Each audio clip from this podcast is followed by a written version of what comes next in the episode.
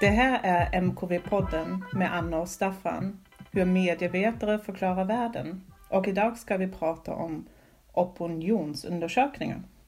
Ja, vi sa ju det i vår eh, lilla programförklaring att vi tänker försöka haka på frågor i tiden så att säga och fördjupa dem lite.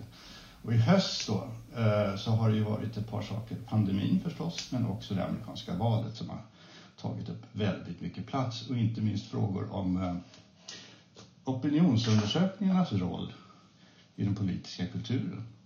Varför de tar så mycket plats. Om vi kan lita på dem. Det här var ju en ganska tydlig så här, efterdyning till valet. Vi kanske ska säga var vi befinner oss nu. Det är mitten av december. Så det har gått fyra, fem veckor sedan valet. Eh, det är väl inte riktigt klart. Det är väl på måndag de här elektorsförsamlingen skickar in sina röster så att säga. Eh, men alldeles efter valet så var det en slags baksmälla som gick ut på att nu har vi gått på pumpen igen här och liksom lurats av opinionsundersökningar. Jag kan bara ta ett exempel, kommer jag ihåg Karin Pettersson alltså, som var politisk chefredaktör på Aftonbladet skrev nu måste vi förbjuda opinionsundersökningar. Eller jag vill förbjuda. Jag önskar att man kunde förbjuda opinionsundersökningar. För jag har gått i fällan igen. Nu har jag suttit och hängt med i alla de här Nate Silver och Real Clear Politics i månader. Och ingen av dem sa det som var sant, nämligen att Trump har en verklig chans att vinna. Det här var alltså dagen efter 4 december. Eh, och eh, liknande artiklar fanns i New York Times och sådär. Att vi, vi är på något sätt blåsta. Eh, och jag satt också i en slags baksmälla där, kommer jag ihåg, dagen efter. Men faktiskt inte utifrån tanken att opinionsundersökningarna hade fel, utan snarare tvärtom. Om man ska säga. Alltså, alltså, nu har jag sjunkit ner i det här hålet igen i ett halvår och följt med i en nyhetscykel som talar om för mig att vad som helst kan hända. Eh, där vi redan i somras någonstans visste via opinionsundersökningar att det finns en väldig stabilitet eh, i de här processerna. Så att säga. Och nu vet vi ju lite mer än vi visste 4 december, nämligen att Biden vann och han, han vann ganska stort och, och så vidare. Och det var en ganska hög felprocent, 3,5 procent eller något sånt där, felmarginal. Men den är ganska normal då om man tittar bakåt i tiden. Så lite det här Bengt, nu ska jag presentera dig också. Bengt Johansson som sitter här. Och det har, det har vi helt infört. Som är, och det är tryggt att du är här, för du hör till Göteborg, du är professor i MKV och Göteborg är ju liksom lite centrum för det här med, med valforskning, opinionsmätningar, SOM-institut och så vidare. Ah, Anne och jag är inte alls specialister på det här området. Så min lilla liksom spaning här, hur jag känner som mediekonsument, den kan ju vara helt åt helsike. Eh, men det känns som att det finns ett glapp här, liksom, i vad vi ska förvänta oss från opinionsundersökningar egentligen. Och eh, det känns som att det finns någonting att förklara, liksom, vad, vad, spelar de för roll? För den här nyhetscykeln, för att bara säga en sak till om den, den blir ju liksom starkare och starkare, eller intensivare och intensivare för varje val. Alltså det här året var det ju som ingen manusförfattare skulle bli trodd. Liksom. Att eh, presidenten är först riksrättsåtalad och sen så avslöjas det några veckor före valet att han är antagligen utfattig och har begått olika skattebrott. Eh, och sen blir han avslöjad eh, och sen blir han smittad av en dödlig sjukdom i hela sin familj. Alltså det händer så mycket. Så man tänker att den här nålen gungar fram och tillbaka. Och det är den känslan man är inne i när man sitter och följer med det här dag för dag. Så att säga, i, på nätet då, att här, här kan vad som helst hända. Och den här gången var det också så att vi nästan, det var nästan någon slags här, in, inversion. Att jag kommer ihåg DNs podd dagen före valet var tio skäl till att Trump vinner valet. Liksom, att, att vi förberedde oss på den här smällen och skälet till det var att de hade haft helt fel 2016. Så sa det. Så jag tyckte inte de hade så fel 2016, jag tyckte inte de hade så fel nu också. Men Bengt, den här klyftan, det här glappet liksom, och den här på något sätt ökande rollen som opinionsundersökningar har. Var ska vi börja någonstans? Vi kan ju börja med 2016 då där det var den här riktiga bakslaget för opinionsmätarna som ju fick väldigt, väldigt mycket kritik eftersom alla var ju på något sätt överens om och jag vet att jag gick och la mig så klockan halv ett och då ledde ju Hillary Clinton i alla Eh, sammanräkningar och eh, så vaknar jag till vid halv fem och så bara tittar jag på mobilen och så står det att Trump vinner valet. Och jag bara liksom vaknar till på en gång och vet inte liksom, va? Nej men nej, men det visste vi ju redan förväg med opinionsundersökningar. Vi visste också hur det hade gått med rösträkningen så jag var just liksom de flesta andra förvånade. Eh, och när man då tittar på 2016 hur fel det gick, ja då gick det ju fel på ett sätt och rätt på ett annat. Eh, LA Times blir då framdragna som att de prickade rätt med presidentvalet för att de hade då sagt i popular vote, alltså det, hur många som röstade på Trump på nationell nivå, att han skulle vinna. Eh, men det hade de ju egentligen fel för det gjorde han ju inte. Han fick ju inte flest röster nationell nivå 2016 heller. Utan det fick ju Hillary Clinton med ganska bred marginal med ganska många miljoners röster. Däremot så missade de ju då de här så kallade swing states där eh, det står emellan som, som ibland då så att säga går åt det ena eller andra hållet. Och de visade ju att det var jämnt. Eh, men alla föll till Trumps fördel. Och om man då hade gjort för lite, pratar man om då att man hade liksom gjort för lite opinionsundersökningar i de här staterna så man hade helt enkelt inte jobbat tillräckligt mycket på de här delstaterna utan, utan nöjt sig med att göra nationella opinionsundersökningar. Och sen var ju det andra då att man liksom, har man underskattat då Trump-väljarna? Eh, får vi inte med dem? Är de shy voters? Alltså att de inte vågar säga vad de tycker egentligen när de eh, tillfrågas i opinionsundersökningar och sånt. Så det var ju liksom backstoryn då att liksom okej, okay, vi hade rätt på nationell nivå. Eh, vi missade swing states men det berodde på att kanske inte hade vi gjort så mycket. Vi borde gjort lite mer där helt enkelt. Så nu var ju då inför det här valet att man skulle ju göra mer. Och det var ju väldigt många lokala opinionsundersökningar och jag var ju ja, inte riktigt sunt eh, så mycket som jag satt och kollade på Nate Silvers sajt. Ja, men det är ju sådär att man blir ju fångad i detta. Om man gör en utvikning här att det här är ju lockande med siffror och man prognoser och det är liksom ett det är ju som sport nästan.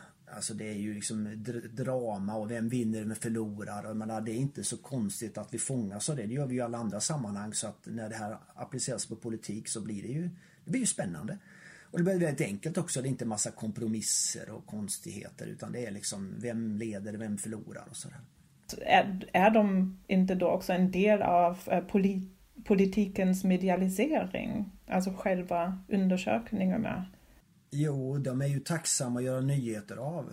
Det är ju, det, jag menar, det är siffror, det är någon som går upp, det är någon som går ner, det är något som händer. Man kan liksom säga då att från en dag till en annan eller från några dagar till en annan så ser vi att det går upp eller ner. Trots att det finns felmarginal och sådana saker så kan man åtminstone säga, visa att våra siffror visar att det går upp eller ner. Så att det här är ju liksom väldigt tacksamt att göra mediedramaturgi av. Det är också tacksamt för, oh, ursäkta, men det är ju, mm. jag tror det var Jesper Strömbäck, din kollega, som skrev en artikel för rätt länge sedan som hade som tema Varför tar de allt större plats? Eh, och då liksom bejakar han, eller först eh, bekräftar han att så är det verkligen. Det är liksom tio gånger mer än det var 1980 och sådär. Men eh, det var en väldigt så bra förklaring, eller tydlig förklaring tycker jag, för att alltså man får börja med att tänka att medier är kommersiella konkurrerande företag och inte bara några som ger information åt medborgare. Och då är eh, opinionsundersökningar väldigt, de är nämligen ganska billiga att, att ta fram och de är exklusiva om man själv bestämmer dem. Alltså, man har sin egen, och de är dramatiska, de här nyhetsvärderingarna stämmer. Och det ser ut som att man står fri från lobbyister. Alltså massa sådana här skäl på vad ska ett medieföretag göra som eh, stämmer både ur konkurrenssynpunkt och någon slags ideologisk synpunkt vi skildrar verkligheten. Allt, allt stämmer ju liksom. Ja, och det blir ju det blir ju det också som du säger att man, man har kontroll över hela processen. Man behöver inte blanda in någon annan mer än då ett undersökningsföretag då. Men du kan liksom kontrollera det och du kan producera det och du kan också dramatisera det så som du vill. Så att den är ju, det är som jag sa, det är lite grann som jag, när man använder dold kamera, det är ungefär samma typ av logik att du kan styra hela skeendet liksom. Allt ifrån insamling till att du avslöjar vad du avslöjar och så vidare. Alltså du kan styra en hel skandal genom att hålla på och spela in folk som säger bort sig eller gör bort sig inför en dold kamera. opinionsundersökningar är lite grann samma typ av logik fast i ett annat sammanhang. Att du styr hela processen precis som du säger. Ja. Men får jag bara kort återvända till det här 2016 när du talar om din natt 2016. Och Så står det att jag, fick, jag vaknade av sms från kompisar som sa Hur visste du det här? Eh, eh, liksom, alltså att Trump skulle vinna. Och då hade jag tydligen på sommaren sagt sådana här saker. Det här är liksom väldigt jämnt och oförutsägbart och sådär. Och Clinton är väldigt sårbar. Och det, det var ju bara sånt jag hade lärt mig genom att sitta och följa med på de här sajterna i tidigare val. Nämligen att det är högst troligt att Demokraterna vinner popular vote. Det kommer att bli väldigt jämnt i elektorn, församlingen, och det kommer att vara tre stater eh, som, eller fyra stater där som kommer att avgöra och där är det 10 000, 15 000 röster. Alltså, det var bara, jag visste ju ingenting. Jag sa bara det då och om man då följde Nate Silver så sa han ju 30 procents chans att vinna för Trump. 30 procents chans är ju inget, det är inte så lite. På ett roulettbord tar man gärna 30 procents chans. Liksom. Så, så, att, eh, alltså, jag är fortfarande lite förvånad över den där chocken, eller att det i efterhand beskrevs som en så, så total... Eh, alltså både Silver och Real Politics hade ju en procent fel på National Vote bara faktiskt. Ja, det är ju inte, det är inte så lite faktiskt. Nej, men de, var ju, de prickade ju rätt där. Eh, och, och, det är ju samma sak att det gjorde vi nu också relativt väl. Det är inte så långt ifrån. Eh, men det brukar ju min kollega här i Göteborg, som för övrigt han bor en bit bort här, Henrik Oskarsson. Eh, han brukar ju säga det att man ska inte underskatta, alltså det är 30 chans då att Trump vann 2016 och det, det är liksom det vi jobbar med. Det är opinionsundersökningar, det är mätningar, det är inte ett valresultat. Eh, Nej. Och det är simuleringar. För alltså det var ja. det jag liksom gick på med, med även den här gången med, när man, om man ska gå på Nate Silver. Han fick ju skit redan på natten där på Twitter, så in i helsike att nu, nu har du lurat oss igen och sådär. Och då sa han, kommer jag ihåg i en tweet, men vänta nu, jag sa så här, 10 chans för Trump. Eh, men då, det betyder att felmarginalen måste vara mycket större än 2016. 2016 sa jag 30 procent och det betyder Clinton klarar inte en 3% i felmarginal. Men nu säger jag Biden klarar en 4% i felmarginal och en 5% i felmarginal. Så tänk om det är så här nu, skrev man då, att, Trump, att eh, Biden vinner och vi får en felmarginal på 4% Vad var det för fel på min information? Eh, det, det, är bara en simulering. Liksom. Eh, hade han inte rätt i det? Liksom? Är det inte så man ska läsa det? Liksom? Det handlar väldigt mycket om förväntningar eh, och, och, just att men om du kommer tillbaks till mediedramaturgin igen då så är det ju mycket bättre att säga att liksom, det är nästan klart att Biden vinner eller nästan omöjligt att Trump vinner än att säga att vi börjar jobba med sannolikheter och marginaler och sånt här som är väldigt svårt att göra rubriker på. Ehm, men det är ju ett pedagogiskt svårt problem att förklara detta eh, i två led. Dels att journalister ska göra journalistik av det som verkar lockande och dels då för sådana som inte jobbar med det här och förstår vad det faktiskt betyder. Men sen är det ju ett reellt problem eh, i de här och där har ju USA mycket större problem än vi har i Sverige än så länge. Det är ju att de tror ju alltså ändå, de träffar ju till viss del ändå fel ganska mycket i Wisconsin och Michigan och till viss del också i Pennsylvania. Även fast de gick åt Biden men de opinionsmätningarna visar ju ganska stora, det var väl över fem, mellan 5 och 10 procent eh, i de här staterna. Och det är ganska mycket fel trots allt när det landar på någon procents skillnad även fast de då gick åt så att säga, det förutspådda hållet. Eh, men där pratar man ju ganska mycket om att det är, det, många Trump-väljare är ju antietablissemang så de svar, pratar inte med journalister, de pratar definitivt inte med opinionsundersökare. Eh, så att snarare än att de är, eh, är liksom rädda för att säga vad de tycker så är det så att de vill inte prata med oss. Nej. Och det är ju hemska siffror på det där hörde jag. Alltså, det var någon sån här chef på ett amerikanskt opinionsinstitut som sa att eh, ja, vi räknar liksom på hundra samtal, fem fem bra enkäter. Och för, på 80-talet var det liksom en av fem. Det vill säga, de sitter och ropar ut i rymden liksom, hallå. Och, och, och, så, och så sa han också, ja det där man vet om de där fem av hundra som svarar, det är ju att de är freaks på något sätt. alltså, för de plockar upp telefonen. ja, det är inte det. Ja. Nej, alltså, att svara på opinionsundersökningar. Jag vet, jag bara säga som en anekdot. Vi har ju också mm. en, något som heter Medborgarpanelen i Göteborg. Eh, där vi också alltså, har 50-60 tusen som svarar på enkäter regelbundet. Då. De är inte, delar av dem är slumpmässigt valda men många har ju anmält sig själva via annonser och sånt. Och då gjorde jag en undersökning om eh, sån här prepping, om man, alltså, om man förbereder för en, för en kris och sånt här. Eh, och det var väl någon om man hade liksom saker och ting hemma, konserver och lite vatten eller flaskor och sådana här saker. Och då fick en del öppna svar från en del. Så undrar man liksom, ja, jag har ju saker och ting för tre månader för mig och min familj och jag för ett halvår. Och undrar man, vad är det för människor som är med här egentligen? ja, så att skevheterna finns ju och, och, då kan man ju säga så här, i och med att de då måste väga upp och hålla på och jobba med sin data för att få den att verka representativ så klart att det är nästan fascinerande att de träffar så rätt som de ändå gör. Mm. Ja, det är liksom, ja. Nej precis, man kan ju fundera också lite på vad är då framtidens sätt att genomföra opinionsundersökningar om det inte längre kan vara via telefon. Nej, det blir ju mer och mer vanligt med webbenkäter och inte minst via webbenkäter i mobilen. Eh, det går ju mer över till, alltså går man tillbaka så gick man, gjorde man ju hembesök. Svenska Statistiska centralbyråns eh, undersökningar efter valen, de gick ju hem till folk och gjorde intervjuer face to face. Liksom. Och jag har hört om tidiga sådana här mätningar av medieanvändning, Orvesto. Då ringde de också på oss folk och svarade man inte så ringde de på oss grannen och frågade vart man var. så att, jag menar det, det, är en helt annan värld och den stora problemen som opinionsmätarna har nu och inte minst då i Sverige när vi håller på, jag är ju inblandad i SOM-institutet en del. Det är ju att folk inte är där de säger att de är. Alltså inte minst unga människor för de står skrivna någonstans fast de bor ju inte där.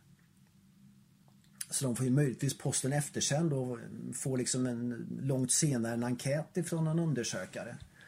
Det är inte så kanske lockande att fylla i. Så att där har man ju problem att få att man får väldigt många av de här som är väldigt stabila och väldigt Också då kanske för, som tror på samhället som har någon sorts högt samhällsförtroende och så där, känns pliktkänsla och sådär. Så och det gör ju, menar, ju mer polariserat samhälle vi får desto svårare det kommer ju vara att få bra mätningar på saker och ting.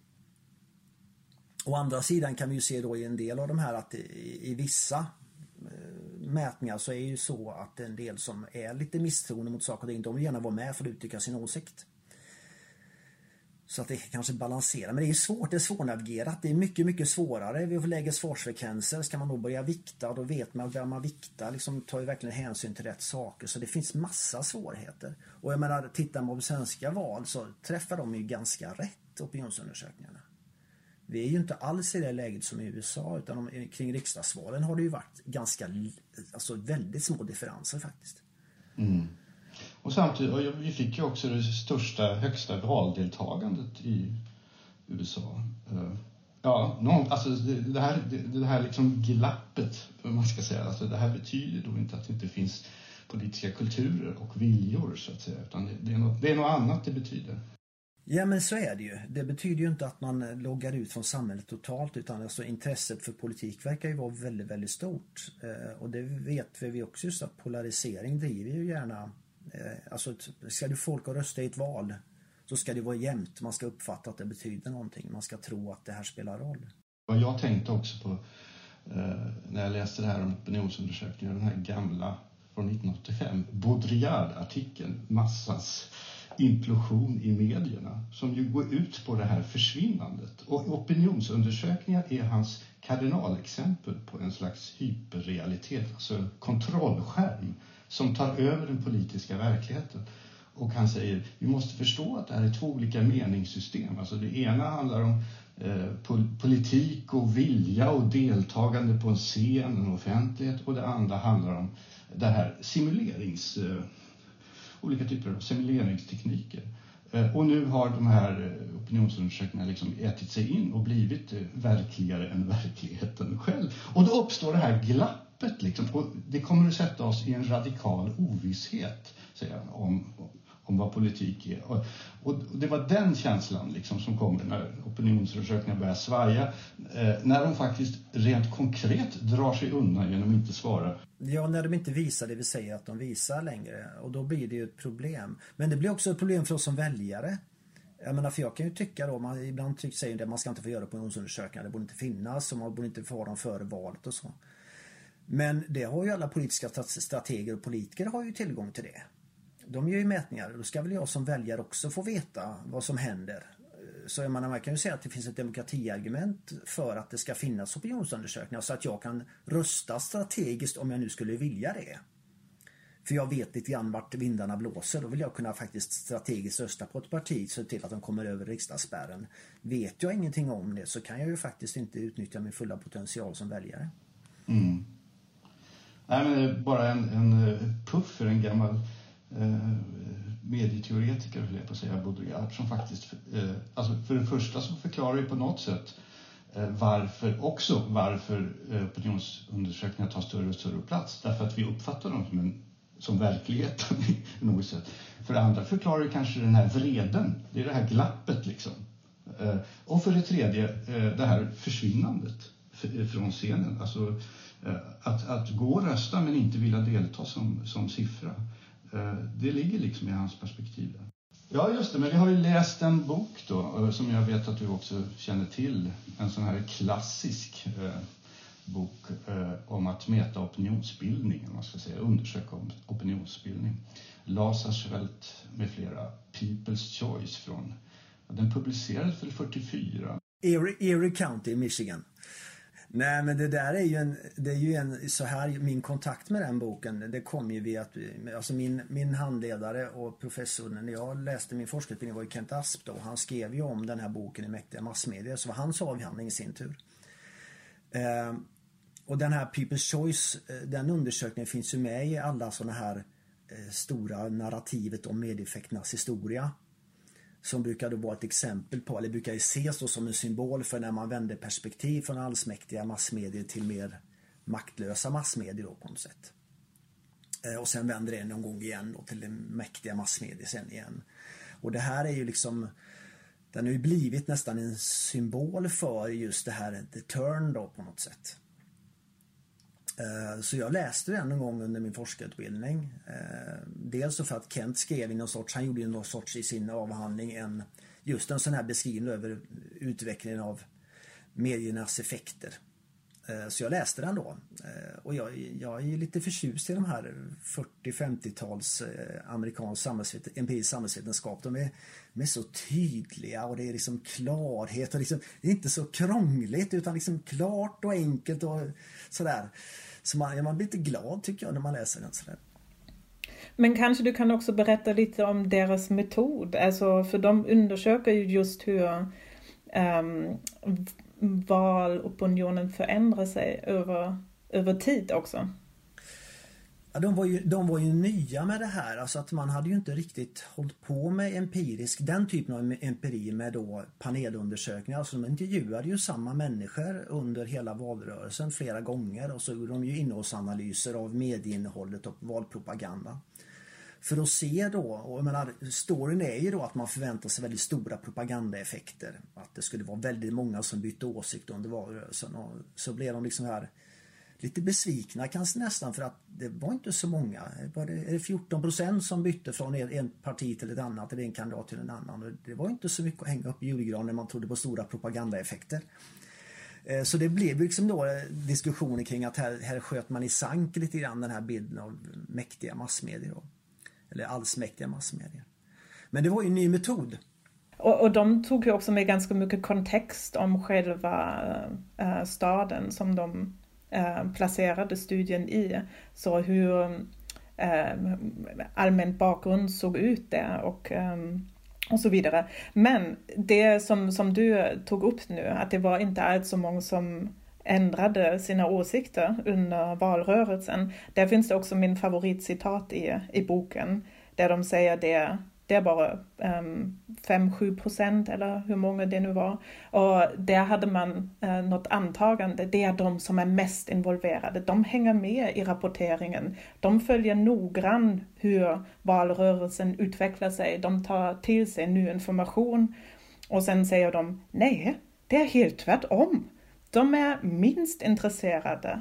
De är minst eh, involverade i valrörelsen. De är minst påverkade av eh, mediekommunikation.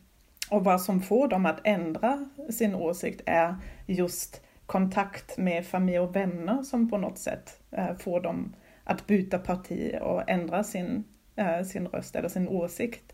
Så det, det är en väldigt rolig, alltså jag tyckte bara hur de formulerade det, den besvikelsen. Vi trodde att de... Ja, precis. Och det var ju sen då man började med personal influence då som man sen började göra flera stora studier kring för att försöka komma på det med tvåstyckshypotesen och hur den faktiskt liksom kanske påverkade mer då än, än själva direkta medieeffekter.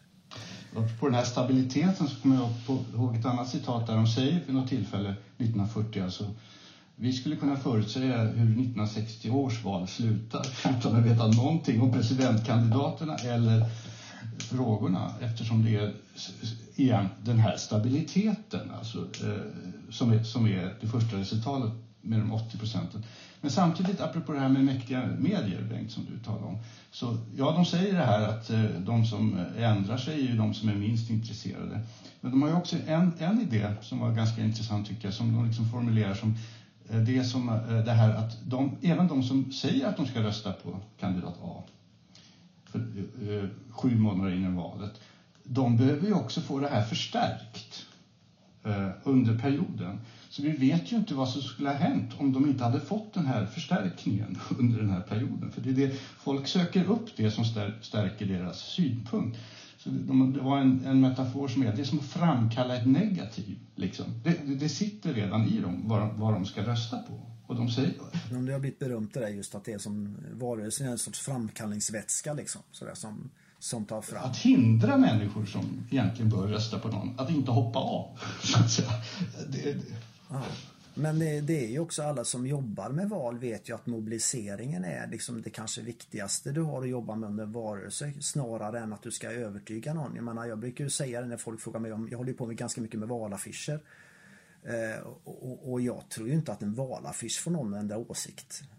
Däremot mobilisera den. Och få folk att känna att nu är det dags för val och nu får man kanske bry sig om lite grann det här och så kanske det förstärker då vad man kanske redan tycker eller tar fram det man egentligen är, i förväg kanske lutar mot utan att tänka så mycket på det. Men att det skulle ändra människors åsikter, det är väl ingen som tror att man gör med en valaffisch. Det tror inte ens partierna själva tror. Mm. Men det är ju också en del av rutinen. Nu vet alla, nu är valrörelsen igång på något sätt när man ser valaffischerna. Valaffischer mm. ja, det är, det är som julgran och sill. Exakt. Men en anledning till varför vi valde den här boken är också att den kommer komma ut i en ny utgåva 2021. Alltså precis när den här podden ska ut och lyssnas på. Mm. Så då är frågan, vad tar vi med oss från boken eh, till att förstå dagens opinionsundersökningar? Alltså, jag tycker när det gäller opinionsbildning så tycker jag att den ger en liksom... Alltså vi pratar ju mycket om de här sakerna fortfarande, att det kanske är svårt att få folk att ändra åsikt med bara propaganda utan det handlar mycket om förstärkningseffekter, eller att man framkallar effekter där man redan lutar mot och sådär. Och tittar man på de senare teorierna kring det här med Eh, medieeffekter, då, reinforcing spirals och sådana här saker så, så lutar de ju ganska mycket mot det här tänkandet att det, det handlar om liksom långsiktiga processer där man förstärker medieanvändningen på olika sätt eh, genom att, eh, eller förstärker världsbilden genom att använda vissa medier. Och vi pratar om echo chambers och sådär. Så att det ligger liksom i det här också. På ett sätt kan man ju liksom tycka att har vi inte, har, vi, har det inte hänt mer? Alltså vissa av de här, jag tycker, och det är ju inte bara den här boken, det är ju ibland jag återvänder också till andra böcker från eh, samma tid, att man tycker att ja, vi ställer ju ungefär samma frågor fortfarande. Det är inte så stor skillnad. Det är, alltså, det är ju medie, mediemiljön är ju annorlunda och den politiska, jag menar, tar vi opinionsbildning och sånt så klart att om man pratar om votalitet, alltså hur mycket folk ändrar sig och sånt i fråga om partival är ju mycket större idag än vad det var då. Eh, klassröstningen var större och sådär. Men eh, som sagt att går vi tillbaks till USA igen så var det ju så att det var inte jättemånga som verkade ha ändrat sig under själva valrörelsen. Många bestämde sig ganska tidigt. Mm. Så att mycket är ju väldigt likt. Det är mycket sån här, alltså på, du, sa, du nämnde tvåstegshypotesen, alltså det här influencerpratet som är nu, men också såna ekokammare, de är också inne på det där med polarisering, alltså hur man förstärker sina egna åsikter. Det, det, det blir väldigt tydligt i den här eh, att de håller på att intervjua samma människor i sju månader så ser de hur, hur de dras och egentligen eh, stärker sin egen gruppidentitet vilket skapar polarisering då mellan. Och det, precis som de säger. Men jag, om vi, jag skulle också bara på den här nya utgåvan eller den här läsningen. Jag hade inte läst den förut. Jag tyckte också det var, det, jag blev också ganska förtjust i den här transparensen. Liksom. Alltså de är så tydliga. De går in och säger nu ska vi försöka besvara den här frågan. Hur bildas opinioner egentligen? Liksom, eh, eh och så har de, alltså den här närsyntheten är, är liksom eh, sympatisk på något sätt. Och, och, så hade den ju lite dåligt rykte då i, i, liksom i, i, min värld för att det är ju flera, bland annat den här C. Wright Mills tror jag, som pekar ut den här som exempel på riktigt eh, jobbig abstrakt empiricism kallar han det för. Alltså och administrativ forskning och påverkansforskning. Han har liksom fått stå för det. Eh, men man, eh, jag tycker det liksom är en sån där Ja, just den här liksom, verktygslådan blir, blir väldigt tydlig. Alltså innan det här stelnat till metodlära. Så, så här går man in liksom, och försöker få fram någonting. Ja, och, men sen är det ju roligt att läsa den, precis som Anne sa det här med att, att, att de blir så förvånade över att de inte hittar det de, alltså de är verkligen uppriktigt förvånade över. Och jag menar, men det är ju så här också att eh, om man vänder på perspektivet och det vet jag att eh, Kent Asp skrev i Mäktiga massmedier att Tittar man på det, jag tror faktiskt det var 14% som hade conversion effekt. Jag är inte säker på siffran riktigt men jag, det var något sånt. Det skulle vi idag tycka som var en jättestor medieeffekt. Herregud, 14% som byter åsikt, det är ju jättemycket. Men då hade man förväntat sig liksom att det skulle vara jättemånga, mycket, mycket mer. Så att förväntningshorisonten styr ju också väldigt mycket hur vi tolkar exakt samma resultat. Precis som du pratade i början om det här med opinionsundersökningar. Alltså förvänt, hur träffsäkra förväntar vi att de är? Eh, och tror vi att de ska vara helt exakta så kommer vi bli missnöjda och eh, tycka att de är dåliga. Och förväntar vi oss inte liksom att de ska vara helt precisa. Visst, de pickade ut att Biden vann. Ja, ja, men det, då är de ju good enough mm. liksom. Jag tänkte bara också säga det som jag tar med, utöver det ni har redan plockat upp, att det Visst, det är en sån väldigt straightforward, ganska tydligt, väldigt tydligt sätt, tillvägagångssätt hur de beskriver det. Men ändå finns det sådana poetiska moment, som det med negativ och framkallande, som är ändå lite ja, poetiskt skulle jag Både den där kombinationen av tydlighet, eh, väldigt tydlig empiri och så vidare, men också sådana moment av förvåning, av poesi att beskriva den processen. Så det, det var roligt att läsa. Men är det inte så med lite just den här typen av litteratur när man går tillbaka att språket är inte så administrativt riktigt som vår prosa har blivit? Nej. Det måste vara en märklig man, alltså den här Lasarsfeldt, om man tar i för inte bara att han, eller, ja, han anställde ju, alltså Cyril Mills jobbade på den här Personal Influence och de blev ovänner, så förstår jag historien. Och sen angrips han. Men Lasarsfeldt anställde ju också Theodor Adorno för de här, alltså han, han är han liksom verkligen suger tag i, i unga människor som har, verkar ha bra idéer. Liksom. Men de projektmötena skulle man ju vilja vara ja, på. Absolut, ja. liksom, när Adorno och Lasarsfeld diskuterar de ska göra undersökningar. Ja, ja, visst. Ja. ja visst. Nej, men, och vi har en sak till avslutningsvis, Bengt. Och nu får du vara lite spontan. Uh, vi tänkte nämligen fråga om du tänker tillbaka till vårt ämne för podden opinionsundersökningar. Vilken låt skulle representera ämnet för dig bäst? Uh, sånt här är ju jättejobbigt. Jag gillar ju sånt här, sånt här är ju viktigt. Den låten som jag haft till valrörelsen i, i USA faktiskt, som, som jag tycker eh, den är inte speciellt eh, subtil utan det har varit just When I'm President, Mindhunter. Så att den, den har faktiskt varit lite soundtrack under, under valrörelsen.